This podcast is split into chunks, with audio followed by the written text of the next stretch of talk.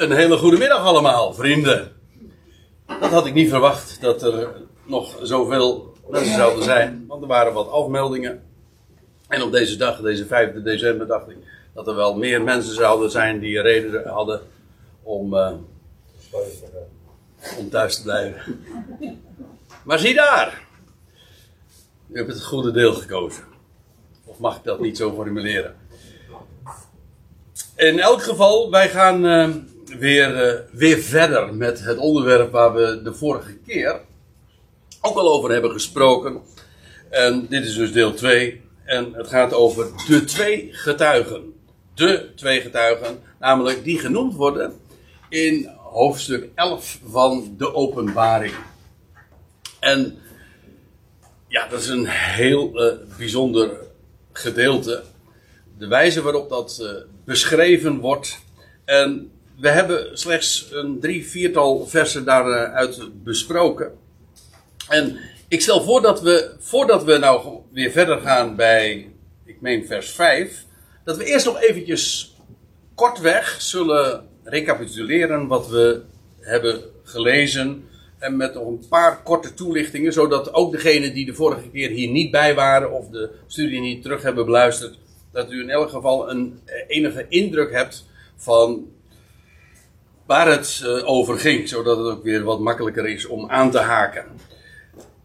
U weet, Johannes werd, dat is uh, even helemaal als basis van, uh, van deze bespreking. Johannes wordt verplaatst, zo lezen we in dit boek aan het begin al, verplaatst in de dag van de Heer. Hij heeft een, zo formuleer ik het graag, een tijdreis gemaakt. En hij heeft dingen gezien, ja, die tot op de dag van vandaag nog steeds toekomstig zijn. En die allemaal te maken hebben met de openbaring van Jezus Christus. Zoals hij vandaag verborgen is, ontrokken aan het oog, zo zal hij straks worden onthuld, de apocalyps. En daar gaat dit boek over. En dat is maar niet één moment, dat is in feite een hele periode die daarin wordt beschreven. Afijn, uh, over die indeling van het boek, daar heb ik de vorige keer wel wat over gezegd. Dat wil ik nu even laten voor wat het is één periode wordt heel in het bijzonder uh, benoemd in dit boek. En dat is de periode van, een periode van 3,5 jaar. En als ik het zo formuleer, dat is dan weer niet de wijze zoals dat in de openbaring genoemd wordt. Maar wel uh, een periode die daar exact mee overeenkomt. Namelijk of 1260 dagen, of die van 42 maanden, of van, en dat is een wat Hebreeuwse manier van zeggen, Komt trouwens ook uit het Hebreeuws van uh, het boek Daniel. Tijd, één tijd, twee tijden en een halve tijd. En dan gaat het over tijden van jaren. Dus drieënhalf jaar dan toch. Ook dat wordt in openbaring genoemd. En in die drieënhalf jaar, ja, daar gaat uh, nogal wat gebeuren. Dat is wat elders genoemd wordt de grote verdrukking die over Israël zal komen. En bepaalt ons ook in het bijzonder bij de gebeurtenissen die in en rond Jeruzalem zullen plaatsvinden. Nou, dat is waar hoofdstuk 11 van Openbaring ook over spreekt in verband met die twee getuigen.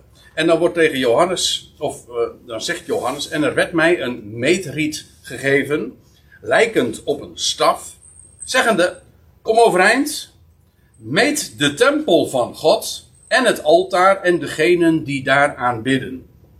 Dat wil zeggen, de tempel, het eigenlijke tempelhuis, zou hij dan gaan meten. En ook het altaar, dat wil zeggen het gebied. En degene die daarin aanbidden. Dus de, het altaar staat in het voorhof, in de voorhof van, uh, van de tempel. En hij moest dus en het tempelhuis zelf, het heilige en het heilige der heiligen. Maar ook dat daarbuiten, de voorhof, uh, moest hij opmeten. Dat zijn degenen die daar dus in het gebied van het altaar uh, aanbidden. En dan wordt er vervolgens bij, uh, bijgezegd, en ik, ik noem het alleen maar even zonder het nu nog nader toe te lichten. Maar het is wel heel apart de manier waarop het dan geformuleerd wordt. Want terwijl hij dus de tempel inclusief de voorhof zou moeten meten, dan wordt er gezegd: en werp de hof, die niet de voorhof, maar de hof, die buiten de tempel is, erbuiten. Die zou je niet meten. Want deze werd gegeven aan de natie. Deze werd gegeven aan de natie. En zij zullen de heilige stad vertreden 42 maanden. Ehm, ja, die hof, dat, eh, ik, ik ben daar wel wat uitgebreider op, uh, op, ingegaan. Maar dat betekent dus dat dat een gebied is buiten het eigenlijke tempelterrein. En, en ik heb u laten zien, wat, uh, dat moet dan het gebied zijn, de hof. Eigenlijk het grootste plein wat er ook vandaag in Jeruzalem is ten zuiden van de tempel. Wat ook wel de Arabieren noemen Haram al-Sharif. En dit krijg je dan uh, als beeld. Dit is, als dit de Olijfberg is, die aan de oostkant van Jeruzalem ligt, dan uh, heb je hier de, de Hof. En daarnaast heb je dan het tempelhuis met het altaar en hier dan de voorhof. Wat dus aangeeft dat de tempel die in de toekomst weer in Jeruzalem gaat komen, en alles ligt al helemaal klaar. Dus eigenlijk is het wachten op het, op het groene licht, het politieke groene licht, dat daar inderdaad weer zoiets gebouwd kan worden. Maar alles in openbaring suggereert dat dat uh, een, op een plek zal zijn uh, buiten het, huidige, wat dan genoemd wordt, tempelplein. Maar dat staat nog maar heel erg ter discussie of dit inderdaad precies de plek is geweest waar de tempel heeft gestaan. Ik wil daar nu niet al te stellig over spreken, maar er zijn hele goede redenen dat de, de, tempel daar pal naast heeft gelegen. En dat wat wij bijvoorbeeld de klaagmuur noemen, of wat de klaagmuur genoemd wordt, en uh, wat geacht wordt nog het, een deel te zijn van de tempel, een stukje de muur die niet uh, is verwoest, dat het in werkelijkheid een deel is, nog een overblijfsel van de burcht van Antonia. En dan krijg je toch een heel ander verhaal. En dan klopt het trouwens ook helemaal dat er inderdaad geen ene steen op de andere van de tempel is gebleven. Kortom, uh, ook uh, dus de, de tempels in het verleden, de tempel van Salomo, maar ook die van Herodes en de toekomstige tempel. Er zijn uh, goede, hele goede redenen om aan te nemen dat dat dus pal buiten het huidige bekende gebied van, de, nou ja, laat ik dan maar zeggen, de, de Haram al-Sharif is. dus waar de rotskoepel staat en ook eventjes nog daarnaast de, die zilveren koepel. En dat betekent trouwens ook, en dat is een heel interessant gegeven, dat uh, als daar straks weer een tempeldienst komt, dat dat helemaal niet hoeft te betekenen dat dus, wat uh, heel dikwijls al ge, gesuggereerd is door uitleggers, dat betekent dat, uh, dat deze, dit heiligdom van de, isla, van, de, van de moslims, dat dat eerst weg zou moeten gaan alvorens daar weer een tempeldienst komt. Dat kan keurig en mooi zelfs naast elkaar bestaan. Alleen dit is dan het gebied, gebied dat aan de natieën werd gegeven, de hof dus. En dat komt er dus naast. Na, dat ligt dus naast de tempel. Dus uh, dat, is een heel, uh, dat is een heel boeiend gegeven. En je kunt je ook voorstellen, maar zonder daar nou te, al, al, al te gaan. Maar je kunt je voorstellen dat dat bij een toekomstige vredesregeling natuurlijk een enorme eye-opener zal zijn. Dat, dat men inderdaad uh, hier de tempel gaat bouwen en dat dit gewoon verder kan gaan. En de moslims houden gewoon hun eigen heiligdom. En tot op de dag van vandaag is trouwens dit gebied van Jordanië, het is niet Joods bezit. Het is aan de, het is aan de natie gegeven. En dat blijft dus uh, ook in die 42 maanden zo. En zij gaan uh, ook in die 42 maanden de heilige stad het werd aan de natie gegeven en ze zullen de heilige stad vertreden 42 maanden. Nou, dat vertreden, dat klinkt niet aardig. En dat is ook niet aardig, want het betekent namelijk ook uh, dat die periode begint met het oprichten van een gruwel. Dat wil zeggen, de tempel. De komt, kijk, het idee is, er komt een tempeldienst, de offerdienst wordt hersteld, maar wordt ook abrupt afgebroken. En dan zal er een de, een gruwel worden opgericht. Ook daar spreekt de openbaring over. Een, een enorm beeld zal er worden neergezet. En daar zal een cultus worden afgedwongen waar iedereen voor moet uh, buigen. En als je dat niet doet, dan krijg je geen teken waardoor je dus ineens weer uit, op de, hand of op de rechterhand of op het voorhoofd. Zodat je uitgesloten bent van het economisch verkeer. Niet kunt kopen, niet kan verkopen. Eh, het, is, het zijn formuleringen waarvan je zou zeggen van... Goh, heeft Johannes dat uh, recentelijk opgeschreven? Nee hoor, dat staat al 2000 jaar. Maar je zou zweren uh, dat dat... Dat is, dit is, is de, de taal van een observator die niet weet hoe hij dat moet uh, benoemen, omdat hij de technologie toen nog niet kende. Maar hij observeert gewoon precies die dingen die uh, eigenlijk ja, het modernste van het modernste is.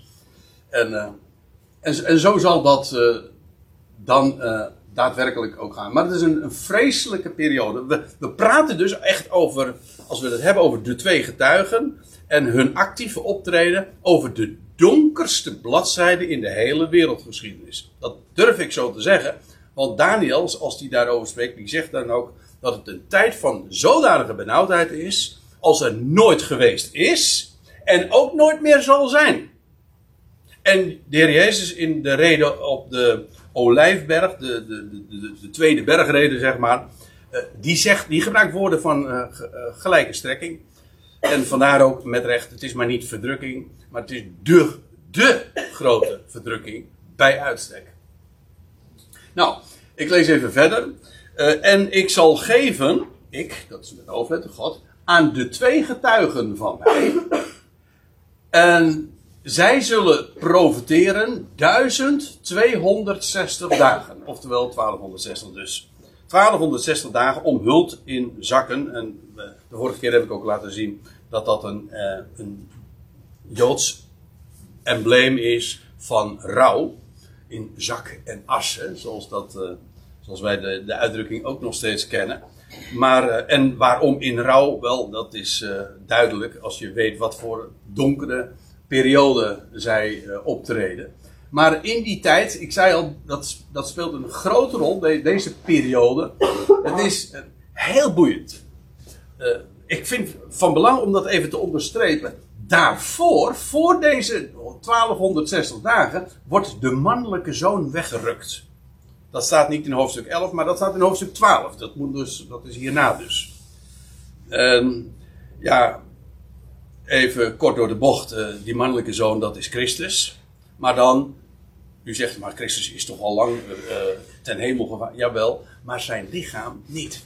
Hoofd en lichaam wordt weggerukt tot God, zal zijn plaats innemen tot, bij God en zijn troon. Dat zal zijn voor de 1260 dagen. Want je leest dat als die mannelijke zoon weggerukt is, dan vlucht vervolgens de vrouw naar de woestijn, waar zij een plaats heeft waar uh, van God bereid. Een onderduikadres waar ze gedurende 1260 dagen, dat wordt dan ook zo genoemd. Ik heb er al op gewezen, ook de vorige keer, dat uh, als het gaat over de goddelijke activiteit dan wordt het de, de tijd gemeten in dagen. En als er gesproken wordt over de duisternis, de het beest, dan wordt het gemeten in maanden. Hè? Dat wil zeggen de maan, als de, de, de nachtvorst eh, noemden we hem voor de aardigheid. Dat wil zeggen de vorst van de duisternis. Hij die heerst over de nacht. De dag, de zon is tot heerschappij over de dag. En de maan is gegeven tot heerschappij over de nacht. En uh, als het gaat over uh, het beest en de vertreding van de stad, dan wordt dat die periode, de identieke periode, maar dan aangeduid in termen van maanden, 42 stuks. Maar zo ook weer 3,5 jaar. In die tijd wordt, uh, vlucht er een overblijfsel naar de woestijn. Ja, dat, dat weten wij ook. Maar dat is er dan ook weer als je schrift met schrift vergelijkt. Dat als die gruwel, dat Gods afgodsbeeld neergezet wordt op het tempelplein, dan uh, moet men, zij die in Judea zijn, in het Joodse land, die moeten dan maken dat ze wegkomen. En zelfs als ze nog iets in, in huis willen meenemen, dan zegt de Heer Jezus ook, doe dat niet, want dan is zoveel haast geboden. Dat wil zeggen, je kunt aan het begin van die periode nog vluchten en daarna niet meer. En ja, dat betekent dus in die tijd is er een, een een, een, een gevlucht overblijfsel. En eh, begint, en begint ook eh, met, eh, ja, met twee getuigen die optreden. Ik ga ervan uit, die twee getuigen maken niet deel uit van die mannelijke zoon. Die mannelijke zoon wordt weggerukt. En vervolgens En dan zou je zeggen, ja, dan is er geen gelovige meer op aarde. Jawel, God gaat dan meteen weer twee mensen roepen. Twee getuigen. En hij zal zich bekendmaken wie het zijn. Nou ja, daar hebben we het zo meteen nog over. Maar in elk geval, twee mannen. En zij, ja, de Heer zal hen roepen en zal om zijn woord te profiteren namelijk. Hè, en te getuigen van hem. Hè, twee getuigen van mij. Zij zullen van hem gaan getuigen. Hoe zij geroepen worden, wordt niet gezegd. Wordt alleen gezegd dat zij uh, van Gods wegen zullen profiteren. En het eerste wat je mag aannemen, dat op het moment dat zij beginnen met hun optreden. Dat, is trouwens, dat valt dus samen, het begin van hun, uh, profiteren valt samen met het, met het dat afgodsbeeld dat daar neergezet wordt. En zij zullen zeggen, uiteraard, maak dat je wegkomt. Nou, een, degene die dan nog in de gelegenheid zijn, die zullen dat doen. Zij, die twee getuigen, hebben een andere taak. Namelijk om op die plek in Jeruzalem gedurende die periode uh, te profiteren. En de, de vrouw, eh, die, die, zij die gevlucht zijn in de woestijn, die worden daar veilig bewaard, hebben daar een onderduikadres. Ze hebben ook eten en drinken genoeg. Ze, worden ze zijn onaantastbaar. Dat moet ik trouwens zeggen, dat geldt eigenlijk ook voor die twee getuigen. Want die twee getuigen die, die, die kunnen daar in het hol van de leeuw profiteren. En het wordt hen zeer zwaar gemaakt, maar ze zijn onaantastbaar. Daar gaan we het, uh, daar ga ik het straks ook nog wel over hebben. Maar dus, dat betekent dat deze twee getuigen, die zullen in Jeruzalem profiteren tijdens de grote verdrukking, pal na de wegrukking. En eh, dat dus, eh, valt dus samen met het oprichten van dat afgodsbeeld in Jeruzalem. En terwijl ook de, de, de, de tempeldienst eh, gestaakt zal worden. Ja, nou ja, ik, ik realiseer me, ik, ik schilder zo nu in ja, mijn eigen woorden, zo uh, een, een heel scenario zoals dat zich zoals zich dat aandient vanuit, de vanuit het profetisch woord. En als je de stukjes bij elkaar legt, dan, dan, dan ontwaar je dat, uh, ja, dat, dat perspectief. Maar ik realiseer me ook dat als je hier niet zo erg mee vertrouwd bent, dat het uh, misschien wat complex is. Maar uh, het valt wel mee hoor. En de volgende keer zal ik nog wat, zal ik me nog wat schemaatjes erbij plaatsen. Dat wordt door sommige mensen gewaardeerd, is niet lukt. Ja, dat vinden. Als je een beetje denkt in termen van. Eh, in, in beeld, dan, dan, kan dat heel behulpzaam zijn. Nou ja, in ieder geval, twee getuigen, 1260 dagen zullen profiteren om hult in zakken. Uh, deze zijn de twee olijfbomen. Lub verwees zojuist in zijn gebed al eventjes naar deze tekst. Deze zijn de twee olijfbomen en de twee kandelaren die in het zicht van de Heer van de aarde staan. En ja, uh, dat. Hoezo? De twee uh, olijfbomen, de twee kandelaren. Wel, het punt is, zij worden genoemd in Zacharia 4. En die twee, dus met andere woorden, als Johannes hier in hoofdstuk 11 van de openbaring spreekt over deze twee getuigen, dan zegt hij, ja, maar de, ik, uh, ik bedenk deze, deze personages niet. Zij zijn al ooit eeuwen eerder door Zacharia vermeld. Eh, namelijk in Zacharia 4 eh, als zijn de, de twee olijfbomen en de twee kandelaren. En dat blijkt alles met elkaar te maken te hebben. Want eh, die olijfbomen produceren eh, olie, leven, ja. Maar daarmee dus ook licht voor de kandelaren. Dat wil zeggen, in de ik vind dat een geweldige gedachte. Dat in de donkerste periode, en bovendien op de zwartste plaats op aarde, daar in Jeruzalem, waar net een, een afschuwelijke afgoderij van start is gegaan, dat op die plek, uitgerekend die plek, dat God zijn licht laat schijnen. De twee kandelaren. En le leven geeft. Dus daar is altijd een getuigenis van Hem. En zijn woord, ook in die duisternis, schijnt daar. Hoe zwaar het ook is, maar uh, zij staan in het zicht van de Heer van, uh, in het zicht van de Heer van de aarde. Zij staan ook voor hem. Dat wil zeggen, eh, zij staan model van voor en eh, ze zijn het type van de Heer zelf.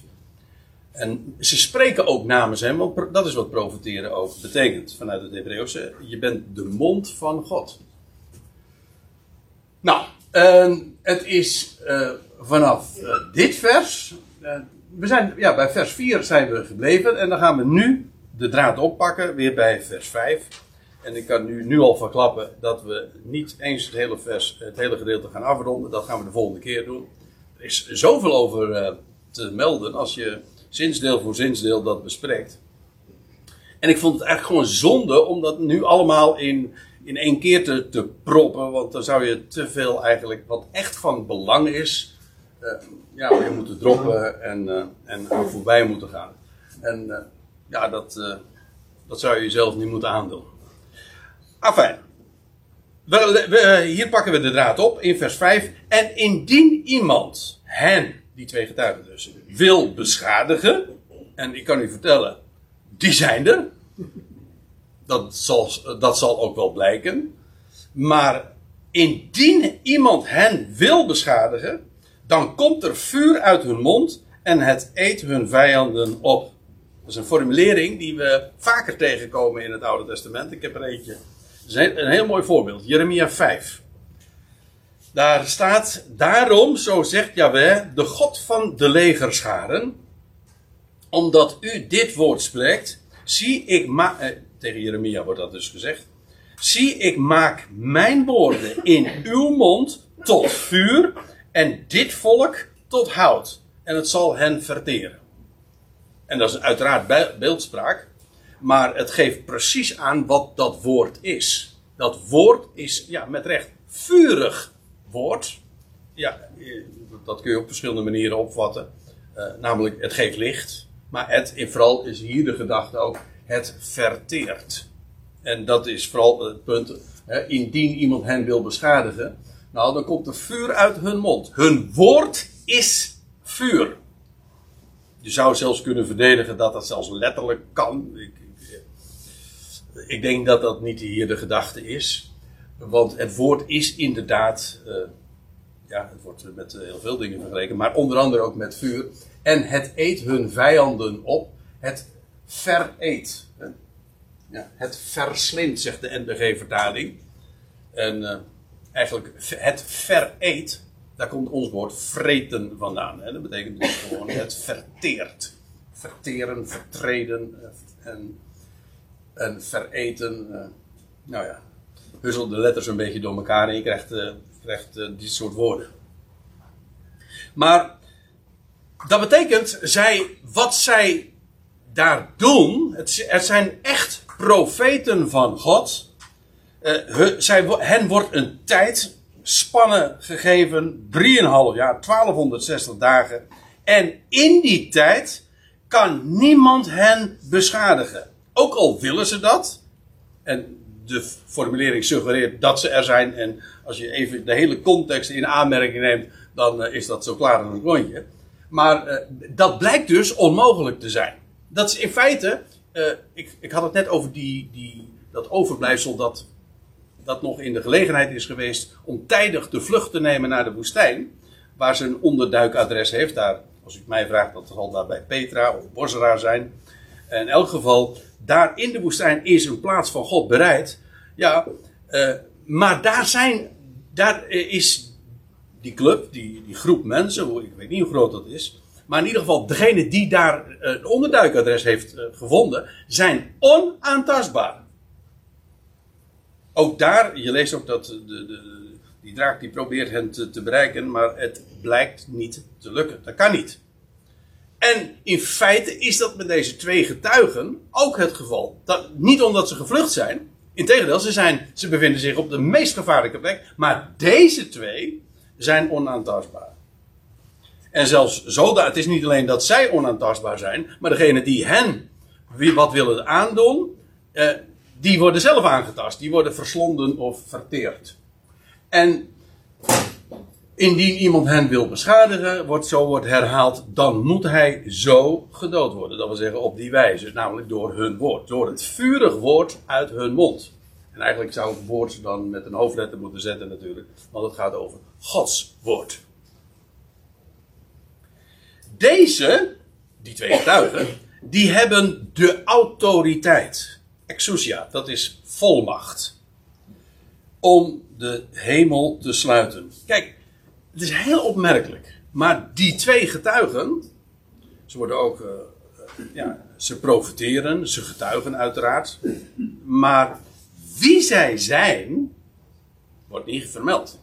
Hun naam wordt evenmin verteld. Het enige wat uh, hen specifiek aanduidt is, is dat zij een bepaalde autoriteit hebben. En ja, dat wat zij vermogen te doen en de volmacht die zij hebben ontvangen, ja, dat herinnert aan de autoriteit van, nou laten we het maar eens lezen. Het is niet zo moeilijk. Uh, in de eerste plaats dit. Deze hebben de autoriteit om de hemel te sluiten, opdat geen regen zal regenen in de dagen van hun profetie. De dagen van hun profetie is 1260 dagen. En ja, wij kennen een profeet. Die inderdaad die macht ook, die volmacht ook had. Elia, je leest dat in 1 Koningen 17. Trouwens, Jacobus 5 ook. Ik, er wordt dus niet gezegd, ik, daar wordt uh, nog wel eens over gesproken, van dat het dit Elia of uh, en Mozes in persoon zijn. Maar het, is wel zo, dat wordt niet vermeld. Ik denk ook niet dat er echt een goede reden is, of doorslaggevende reden om dat aan te nemen. Maar wat wel duidelijk is, is dat zij optreden, in ieder geval in de geest en de kracht van Elia. Daar ken er nog iemand van. En dat was namelijk Johannes de Doop. Van hem lees je ook dat hij optrad in de geest en de kracht van Elia. Daar herinnerde hij trouwens ook direct aan vanwege zijn kameelharen mantel. Dat lees je ook van de Tisbiet Elia. En uh, hij had sprinkhanen en er was nog iets, dat ben ik even vergeten. Maar in ieder geval. Hm? Wat? Wilde honing. Hij had wilde honing, zo was het ja. Ja, precies, dat was hem. Ik wil zeggen, er was er nog iets. Uh, ja, dus, uh, dus ja, zijn hele optreden herinnert aan, uh, dat wil zeggen van Johannes de Doper destijds. En de Heer Jezus zegt er ook, als, als jullie het willen aannemen, dan is hij de Elia die komen zou. Nou, daar zit nog iets veel meer aan vast. Daar ga ik, ga ik het nu niet over hebben.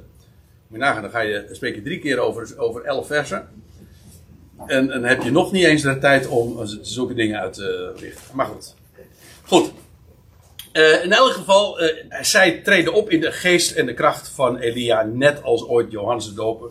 Uh, want wat lees je van, van de Tisbiet Elia, die dus uit Tisbe in Gilead kwam, en dan staat er, die zei tot Agab, zo waar Jaweh, de God van Israël, leeft, in wiens dienst ik sta, er zal deze jaren, en dat is 3,5 jaar trouwens, geen dauw of regen zijn Tenzij dan op mijn woord. Dus uh, Elia zegt dit, ja, maar het, is, het zijn woorden van God zelf. En drieënhalf jaar lang geen regen of dauw. Dus ja, nou, je kunt je voorstellen dat daar een enorme hongersnood zal zijn. Daar spreekt openbaring trouwens ook van in die periode. Dus het is dus niet alleen maar dat zij de. Want je zou uh, zo spitsvondig kunnen lezen dat bedoel ik niet zo akelig als dat ik het nu formuleer, maar je zou het kunnen opvatten als van nee, ze hebben de autoriteit. Dat wil nog niet zeggen dat ze het ook daadwerkelijk aanwenden. Maar zij, hebben, zij zullen dit ook daadwerkelijk. Uh, zij hebben de volmacht om dat te doen. En er staat ook bij, gedurende de dagen van hun profetie. Drieënhalf jaar lang, net als ooit Elia, die de hemel doet sluiten. En je leest in Jacobus 5, die zich richt tot de twaalf stammen van Israël. En dan staat er, uh, dan zegt Jacobus er zo bij, uh, ja, Elia was slechts een mens zoals wij. Ja. Maar hij bad een gebed zodat het niet regenen zou en het regende niet op het land. Drie jaar en zes maanden. Hoe markant is die periode, die tijdslengte? Dus als in de nabije toekomst, daar in Jeruzalem, uh, op een gegeven ogenblik uh, de tempeldienst wordt gestaakt en er wordt een afgodsbeeld neergezet. per direct gaan daar twee getuigen van Gods wegen spreken. En die legitimeren zich ook. Doordat hun woord zo krachtig is. Dat ze niet alleen maar onaantastbaar zijn voor mensen die hen willen beschadigen. Maar ook omdat ze uh, in staat zijn om het gedurende de, de, de tijdslengte dat zij profiteren. Niet, dat het niet regent. Dat, op voorhand zullen ze dat ook zeggen. Want het zal niet regenen. En zij hebben die volmacht gekregen. Het gebeurt ook niet. Reken maar dat het een, eh, een enorme indruk zal maken. Hoezeer ze ook trouwens uh, vijandig bejegend zullen worden. Want populair zullen ze niet zijn, dat kan ik u vertellen. Maar dat, zal, dat zullen we nog wel zien. En dus, ik heb nu iets genoemd, dat is Eliaans van karakter. Dat wil zeggen, het herinnert aan Elia. Maar er is nog iets waar die twee getuigen aan herinneren, namelijk aan Mozes. En, want er staat bij, en ze hebben autoriteit, volmacht, over de wateren, om ze tot in bloed te, uh, om te keren. Hey. Elia. En dit, ja, het is heel duidelijk. Dit is wat ooit Mozes deed. Ook in trouwens, uh, in het Hol van de Leeuw. Een vijandig gebied, in Exodus 7 lees je dat. En ja, deze twee namen, trouwens, Mozes en Elia, spelen in de eindtijd ook een grote rol. Hè? Je leest ook dat uh, voordat de dag van de Heer zal aanbreken, dat God Elia zal zenden. Dat wil zeggen, iemand in de geest en kracht van Elia. En die zal ook inderdaad herinneren aan Mozes. Dat staat allemaal in, uh, in dit gedeelte van Malachi 4. Daar sluit trouwens onze, ja, de Hebreeuwse Bijbel ook mee af. Althans in onze kanon. En in feite, de, de, de, het Oude Testament wordt ook genoemd hè, de wet en de profeten. Maar de wet, dat is Mozes. Als je één iemand zou moeten noemen die staat voor de wet, Mozes, hij wordt ook genoemd. De, zijn boeken worden ook gewoon genoemd Mozes. En de profeten, ja, wie zijn dat? Wie is de belangrijkste profeet? Dat is Elia. Dus dan kom je weer bij die twee getuigen uit zodat die, als die twee getuigen straks daar in Jeruzalem zullen optreden, dan hebben zij de autoriteit inderdaad van de Hebreeuwse Bijbel, van Mozes en de profeten. Ja, maar alles wat zij doen herinnert ook, en de volmacht die ze hebben, aan Mozes en de profeten. In Exodus 7 lees je dat. In, uh, laat, ik het, laat ik het voorlezen. En dan staat er van uh, in het. Dus bij de hoeveelste plaag uh, dat even is, dat durf ik niet te zeggen. Is de zesde, zevende. Maar goed, kijk het maar eens na. En Mozes en Aaron deden zoals Jaweh geboden had. Hij hief de staf op. En hij sloeg het water in de Nijl voor de ogen van de farao en zijn dienaren. En al het water in de Nijl werd in bloed veranderd. De vis in de Nijl stierf zodat de Nijl stonk. En de Egyptenaren het water uit de Nijl niet konden drinken. En het was, er was bloed in het hele land Egypte. Dit is, dit is gewoon de taal van de observatie. Dit is hele letterlijke taal. Tot de tijd, dus praten we inmiddels over, wat is het, 3500 jaar geleden, eh, dat Mozes dit, dat Mozes dit deed. Trouwens ook, waren ook twee getuigen, Mozes en Aaron. Maar goed, en uh, zij deden dit en, en het water in bloed veranderen. Ja, wij kennen ook iemand die water in wijn veranderde. Dat was het. Uh, was dit trouwens niet het eerste teken? Ja. Ja, ja, ja nou, nou, ineens weet ik het weer. Want dat, dat is dat mooie contrast eh, van het oude verbond en het nieuwe verbond. Het eerste teken wat Mozes deed, dat was water in bloed veranderen. En het eerste teken van de Heer Jezus, kijk het maar naar Johannes 2, dat was dat er water in wijn veranderd werd. Hoeveel zeggen dood en leven? Afijn, eh, terug even naar deze geschiedenis. Water in bloed veranderen. Dat is dus ook wat uh, deze twee getuigen uh, daadwerkelijk zullen doen. En in ieder geval de autoriteit daartoe hebben. En dus uh, ja, het zal tijden zijn. Het zijn tijden waarin de hemel gesloten is. Er valt geen water. En dat water wat er is, dat wordt veranderd in bloed. Dus ja, je kunt je voorstellen. Um, en, zodat daar niet van kan worden gedronken, stonk en sterfte. Uh, er zullen wel conferenties dan worden gehouden over, eh, over de natuur en over het klimaat. En, nou ja. Ja, dat als, je dat, als je dat leest in het boek Openbaring over wat er allemaal gaat, van Gods wegen gaat plaatsvinden. Ja, dan, dan ga je echt zo uh, meewarig lachen over alles wat de mens plant. En, wat hij meent te moeten te kunnen tegenhouden. Het is, gewoon, het is gewoon lachwekkend. Het is echt lachwekkend. En ik hou ervan om er zo aan te denken, want uh, we hebben zo'n groot God. En weet u, men is bang, men wil de planeet redden, hè, zo zegt men dat dan. en, en, men gaat voorbij aan, de, aan degene die de, wereld, de redder der wereld is. Maar die er ook trouwens niet voor terugdeinst, op zijn tijd, en al is het maar een korte tijd, maar om ook de aarde inderdaad te verderven. Onder hevig protest natuurlijk van de klimaatconferenties en dergelijke, want het gaat volstrekt niet tegen alle akkoorden die de Verenigde Naties eh, gezamenlijk hebben besloten. Ja, kijk, daar hou, van, dat, uh, daar, van, die spirit, daar houden wij van. Oké, goed. We, zij hebben de autoriteit over de wateren om ze tot in bloed om te keren en om het land te slaan. Zo, om het land of de aarde. Ja, nou ja, daar hebben we het al vaker over gehad. Dus, dus dat zijn identieke begrippen in en het Hebreeuws en in het Grieks. Om het land te slaan zo vaak als zij willen. Waarbij ik even dus helemaal open laat of dit het land Israël is, specifiek, of het land in het algemeen. En dat wil zeggen het droge. Beide kan. En dat laat ik uh, dus ook maar gewoon in het midden, zoals de tekst daar ook verder uh, niks over zegt. En wanneer zij, vers 7, en wanneer zij hun getuigenis, die twee dus, hè, aan het volbrengen zijn.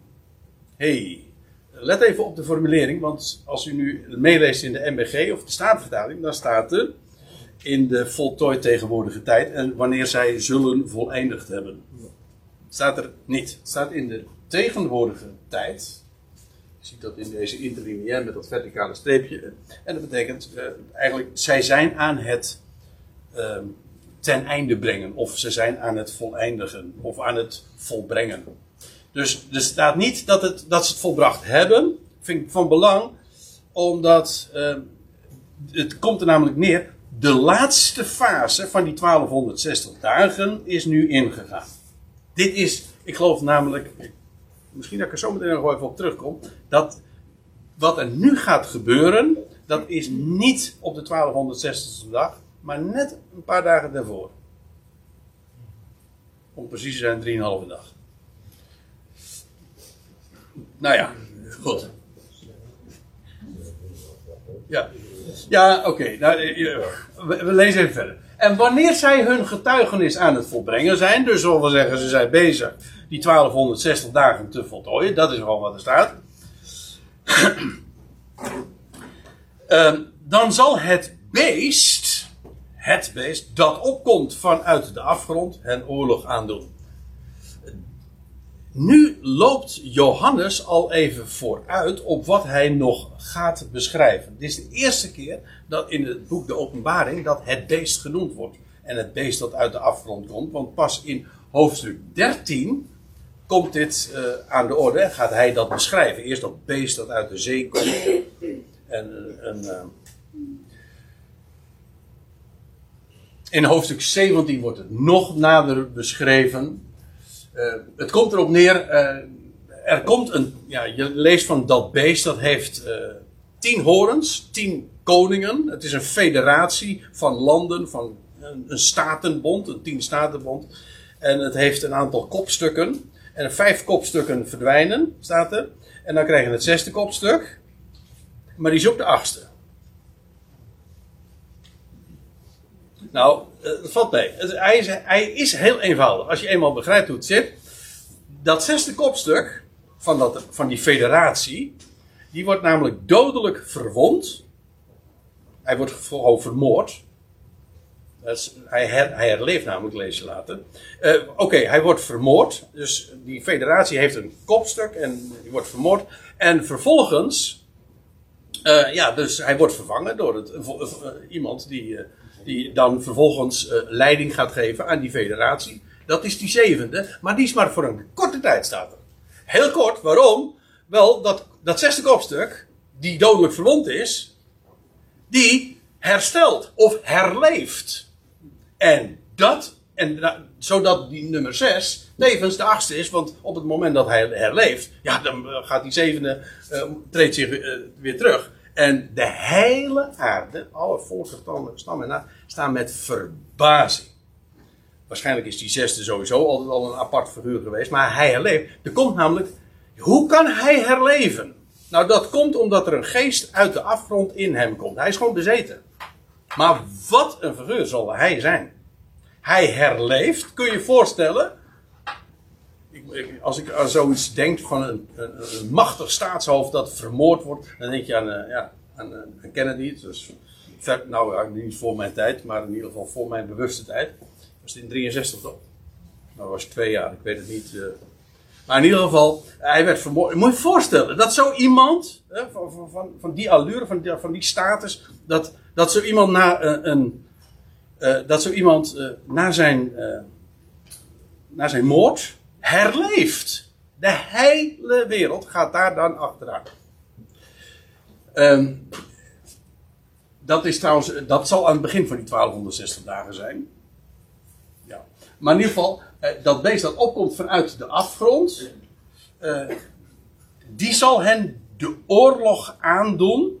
Hij, hij, gaat de stad vertreden, 42 maanden. Maar gedurende de tijd dat die, pro, die, die twee getuigen ge, profiteren, uh, zijn ze onaantastbaar. Maar hij, dat beest uit de afgrond, die gaat hen de oorlog aandoen. Ja, dat zal gedurende de hele periode van hun profiteren in Jeruzalem onmogelijk zijn. Ja, ze zijn onaantastbaar. Wie hen ook maar wil beschadigen, en ik denk dat dat beest daar zeker eentje van is, want als er één, dat die twee gast, die twee getuigen, sorry, ik moet goed, goed zeggen, die zijn, die zijn, dat reken maar dat dat als lastposten worden gezien. En ze zeggen, formuleer ik het nog zo, is een doorn in het oog van, van dat beest. Notabene op de plek waar hij, waar een afgodsbeeld van hem staat. Twee getuigen profiteren daar. En ze zijn onaantastbaar totdat. Want dat beest dat af, komt uit de afgrond en die gaat hen de oorlog aan doen. En het zal hen overwinnen. Uiteraard pas na, uh, aan het einde van die periode van 1260 dagen. Maar het zal hen overwinnen en hen doden. Dus die twee getuigen, die sterven. Die worden omgebracht. En ja, dat is, dat is eindelijk, na 3,5 jaar, een overwinning voor dat beest. 2,5, 3,5 jaar lang heeft hij met leden ogen moeten aanzien dat met alle macht die hij uitoefent, dat die twee getuigen toch niet uh, aan te tasten zijn of te beschadigen zijn. En dan zal hij hen toch overwinnen. Dat zal echt spectaculair zijn. Hij zal hen overwinnen. En dan lees je, en het lijk van hen. Heel eigenaardig. Je zou zeggen, de lijken van hen. Het lijk van hen. En nou ga ik iets zeggen, dat is. Ik ben daar niet helemaal zeker van, maar ik, het is misschien wat speculatief, maar ik leg een link. Ik, ik, waarschuw, dus ik, ik, ik uh, draag iets voor ter overweging. Namelijk dat dit het lijk is waar de Heer Jezus het over had in de tweede bergreden. Want dan zegt hij, waar het lijk zou zijn, waar het lijk is, uh, ik geloof in de Statenvertaling staat waar het aas is, maar staat letterlijk, eh, die staat daar staat in Matthäus 24 hetzelfde woord als wat in Openbaring 11 gebruikt wordt. En dan staat er, en waar het lijk zou zijn, daar zullen de adelaars verzameld worden. Om, en dan vervolgens, onmiddellijk echter na de verdrukking van die dagen, zal de zon verduizend worden. En qua tijdsetting komt dit exact overeen met uh, het moment dat die twee getuigen daar dood op het plein liggen. En als zij daar liggen, ja, dan zullen de adelaren, adelaars, hoe zeg je dat, uh, verzameld worden. Ook, uh, ook trouwens uh, de aarschieren, zal ik maar zeggen. Die daar dan op af zullen komen. Ik zal u dit vertellen, er gaat namelijk, de volkeren zullen optrekken naar Jeruzalem. En dat wordt hier niet beschreven. Wat hier wel beschreven wordt, is, nou ja, het, dus aan het einde van die periode van, van, de, van, die, van die twee getuigen, uh, worden ze gedood door dat beest, dat, dat uit de afgrond was, uh, al was gekomen. En het lijk van hen zal liggen op het plein van de grote stad. Nee, dat is niet Den Haag, daar heb je ook het plein, maar het plein, dat is, dat is heel grappig, maar daar staat in het Grieks het woordje plateia, maar ons woord plateau, dat is eigenlijk Frans, maar ook plat en place, Engelse, uh, allemaal vanaf geleid is, mee verwant is, etymologisch. Maar ik denk dat het hier dus inderdaad gaat over het plein van de grote stad. Uh, namelijk, ja, het, wat wij dan noemen het Tempelplein, maar het, wat ik eerder aanduidde als, of wat Johannes eerder aanduidde als de Hof. Die omheinde plaats. Het plein van de grote stad. Daar zal het lijk van hen liggen. die grote stad, want ja, ik zeg, ik zei zo gekscherend, dat is niet Den Haag. Dat weet ik heel zeker welke stad het wel is. Want, let op, geestelijk wordt ze genoemd, die stad, die grote stad. Sodom en Egypte. Dat is niet, het is niet letterlijk Sodom. Nee, maar, nee, Sodom met een S dan, hè. Ja. Sodom. En, en Egypte, uh, dat is sowieso geen stad. Maar ja, ik, de, kijk, het feit dat ze geestelijk zo worden aangeduid, dat is geen aanbeveling voor deze grote stad. Dat mag duidelijk zijn. Want uh, ja, uh, Sodom was de stad waar ooit Lot uit moest wegvluchten. En Egypte was die, nou daar hadden we het eerder over, dat was het land waar het volk Israël ooit het vegeleven moest zien te redden en ook uit moest wegvluchten. Nou, dat is Jeruzalem.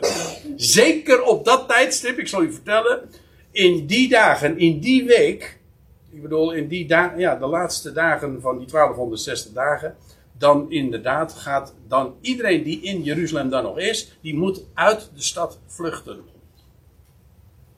Daar gaan we het trouwens de volgende keer vooral over hebben, maar uh, hier in ieder geval die grote stad wordt op deze wijze aangeduid.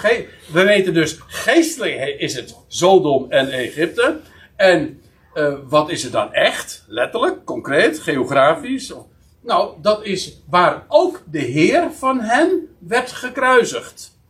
Nou, hoe duidelijk wil je het hebben? Ik, ik, ik, even eh, ter. Vind dat nou vermakelijk. Ik stak net een beetje de draak met alle politieke agenda's van, van klimaatconferenties en dergelijke. Maar uh, ik moet u zeggen, uh, als je wil lachen, dan, dan moet je. Dan, en ik, ik geef toe, dat klinkt behoorlijke dédain in door. En, maar als je bijvoorbeeld verklaringen leest over dit vers, dat, hoe theologen moeite doen om te ontkennen dat het hier over letterlijk Jeruzalem gaat. Dan denk je van ja, die, die doen moeite om dit vers te verklaren. Dan denk je van, wat is dit voor een onzin om dit te verklaren? Dit is de verklaring. ja, het is de stad. Op een, je kunt zeggen, ja, maar ze wordt toch ook geestelijk aangeduid? Ja, ze wordt geestelijk aangeduid. Dus, dus niet letterlijk. Maar het wordt ook concreet, geografisch aangewezen. Het is de stad waar ook de Heer van hen, van die twee getuigen dus, werd gekruisigd. Nou, daar komt maar één stad voor in aanmerking. En dat is Jeruzalem. Ook al is hij buiten de poorten uiteindelijk gekruisigd. Maar het is de stad Jeruzalem. Daar gaat dit gebeuren. De grote stad is dus gewoon volstrekt helder. Er is geen enkele twijfel over de locatie. Onder bijbelgelovigen dan. Hm? Ja, daar is geen twijfel. Voor twijfel daarbuiten is er wel. Maar. Uh, ja, trouwens ook, ook dit geeft wel aan. De Heer van hen. Dat betekent dus dat deze twee getuigen inderdaad eh, getuigen van de gekruisigde als hun Heer. Hoe staat het? Zijn zij, eh, als dit gewoon stervelingen zijn, en het zijn stervelingen, want ze worden gedood, dan uh, ga ik ervan uit ja, we hebben het daar eerder al over gehad. Hè? Die twee dagen van eh, die twee millennia die lopen op zijn eind. Dus je mag aannemen, die, die twee getuigen, die lopen al ergens hier rond. Of in Jeruzalem, of whatever. En alleen, ze kennen de, de Heer nu nog niet. Want als zij de Heer wel zouden kennen, dan zouden ze ook met die we- wegrukking meegaan. Maar na de wegrukking zal de Heer zich aan hen bekendmaken eh, als hun Heer. En eh, ja, goh, eh, je mag aannemen, maar ook dit is een speculatief eh, gedachte, maar ik vind het vrij, vrij logisch. Dat er misschien twee autoriteiten binnen de Joodse wereld zo, zullen zijn, die geroepen worden van Gods wegen. En als zij gaan spreken over de Messias, dus niet eh, heidenen, maar daar nemen ze echt dat niet van aan. Die hebben er geen verstand van. Nee, gewoon mensen uit de Joodse wereld die zullen zeggen: Jezus is de Messias die hier gekruist wordt in deze stad. Dat is mijn, onze Heer. En als zij daarvan getuigen, reken maar dat daar een enorme, zeker met wat zij, met het gezag en de volmacht die zij krijgen, dat zij, eh, dat hun woord zo kracht zal hebben. Nou ja, dus eh, er zullen eh, meteen ook, als zij gaan beginnen met getuigen en profiteren, dan zal, dan zal daar gehoor aangegeven worden. Men zal vluchten naar de woestijn. Degenen die niet op tijd zijn, die zullen tot geloof komen door hun getuigenis. Maar ja, velen in die periode zullen omkomen. Vele gelovigen bedoel ik. Die niet buigen voor het beest en voor het beeld en zo. En deze twee getuigen die komen niet om. Dat wil zeggen, eh, gedurende de, de periode dat ze van Gods wegen optreden. En het eind uiteindelijk toch ook. Dat is wat hier staat. In ieder geval, hun lijken zal dan liggen daar in die stad. Op het plein van de stad. Waar ook de Heer van hen werd gekruisigd.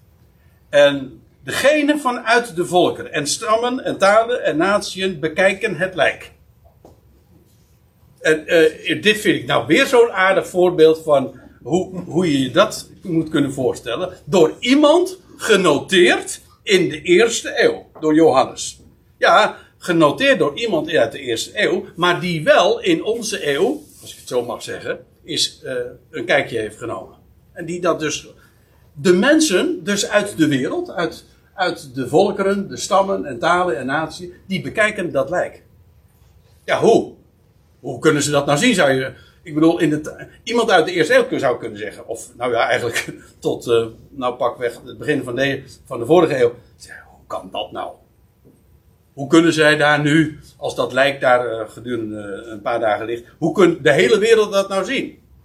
Ja, voor ons is dat volstrekt vanzelfsprekend. Maar kijk, dit is gewoon een internationaal schouwspel. Zo staat het. Ja, dit- reken maar ook dat dit breaking news zal zijn hoor.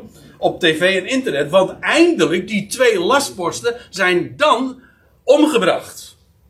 Haha, ze heeft het beest toch gewonnen. Dat ze. En daar zal een enorm. Ja. eh, daar gaat natuurlijk. eh, reken maar dat dit. eh, ja, gevierd gaat worden. Dat, dat weet ik. Want er staat bij tot 3,5 dag gaat hun lijk daar liggen. Ja, eerst 3,5 jaar, hè. En nu 3,5 dag. Voor elk jaar, ja, wat daar nog meer achter steekt, weet ik niet. Maar in ieder geval, voor elk jaar van hun getuigenis één dag. Ligt hun lijk daar. Misschien dat ik de volgende keer daar nog, nog wat, even wat op, eh, dieper op inga.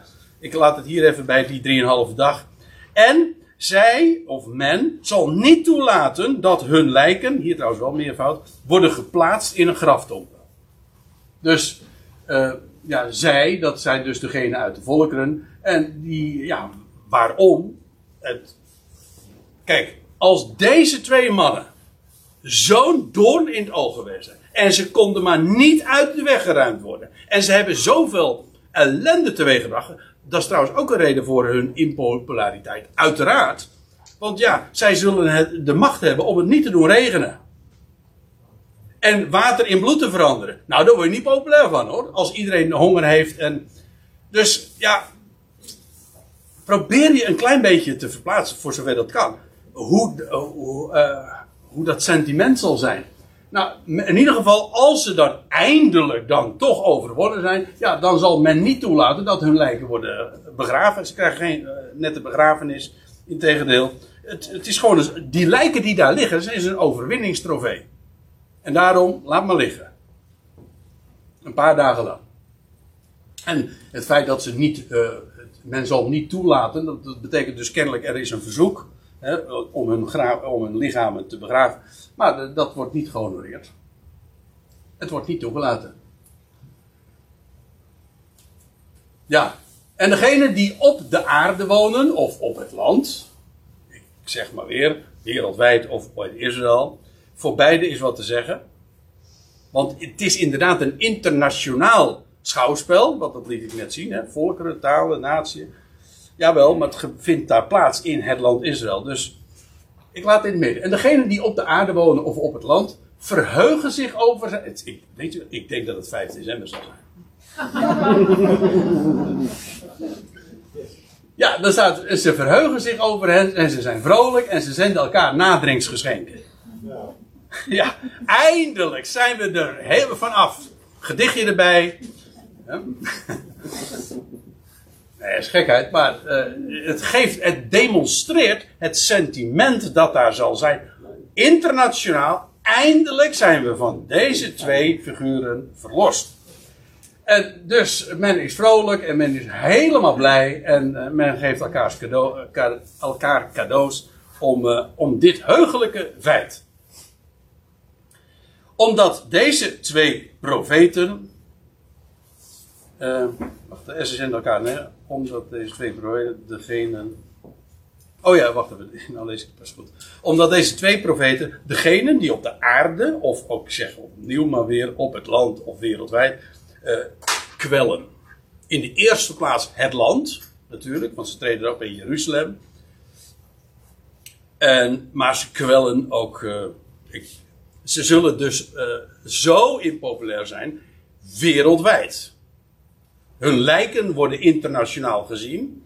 Als, en drieënhalve dag worden ze mogen ze niet begraven worden. En men zal uit de volkeren elkaar geschenken eh, sturen. Dus ik geef aan, ik neem aan dat die twee getuigen en het, de impact van hun getuigenis ver Israëls landsgrenzen zal overtreffen. En ja, zij, zij, zij worden namelijk beschouwd als degenen die, eh, die op de aarde of op het land wonen, kwellen. En dan weet je meteen waarom ze zo, in ieder geval, waarom ze zo impopulair zijn. Dat is wat ze doen.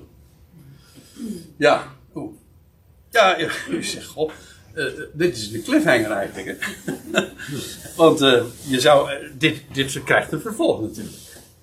Want drieënhalve dag eh, liggen hun lijken op dat plein. En dan?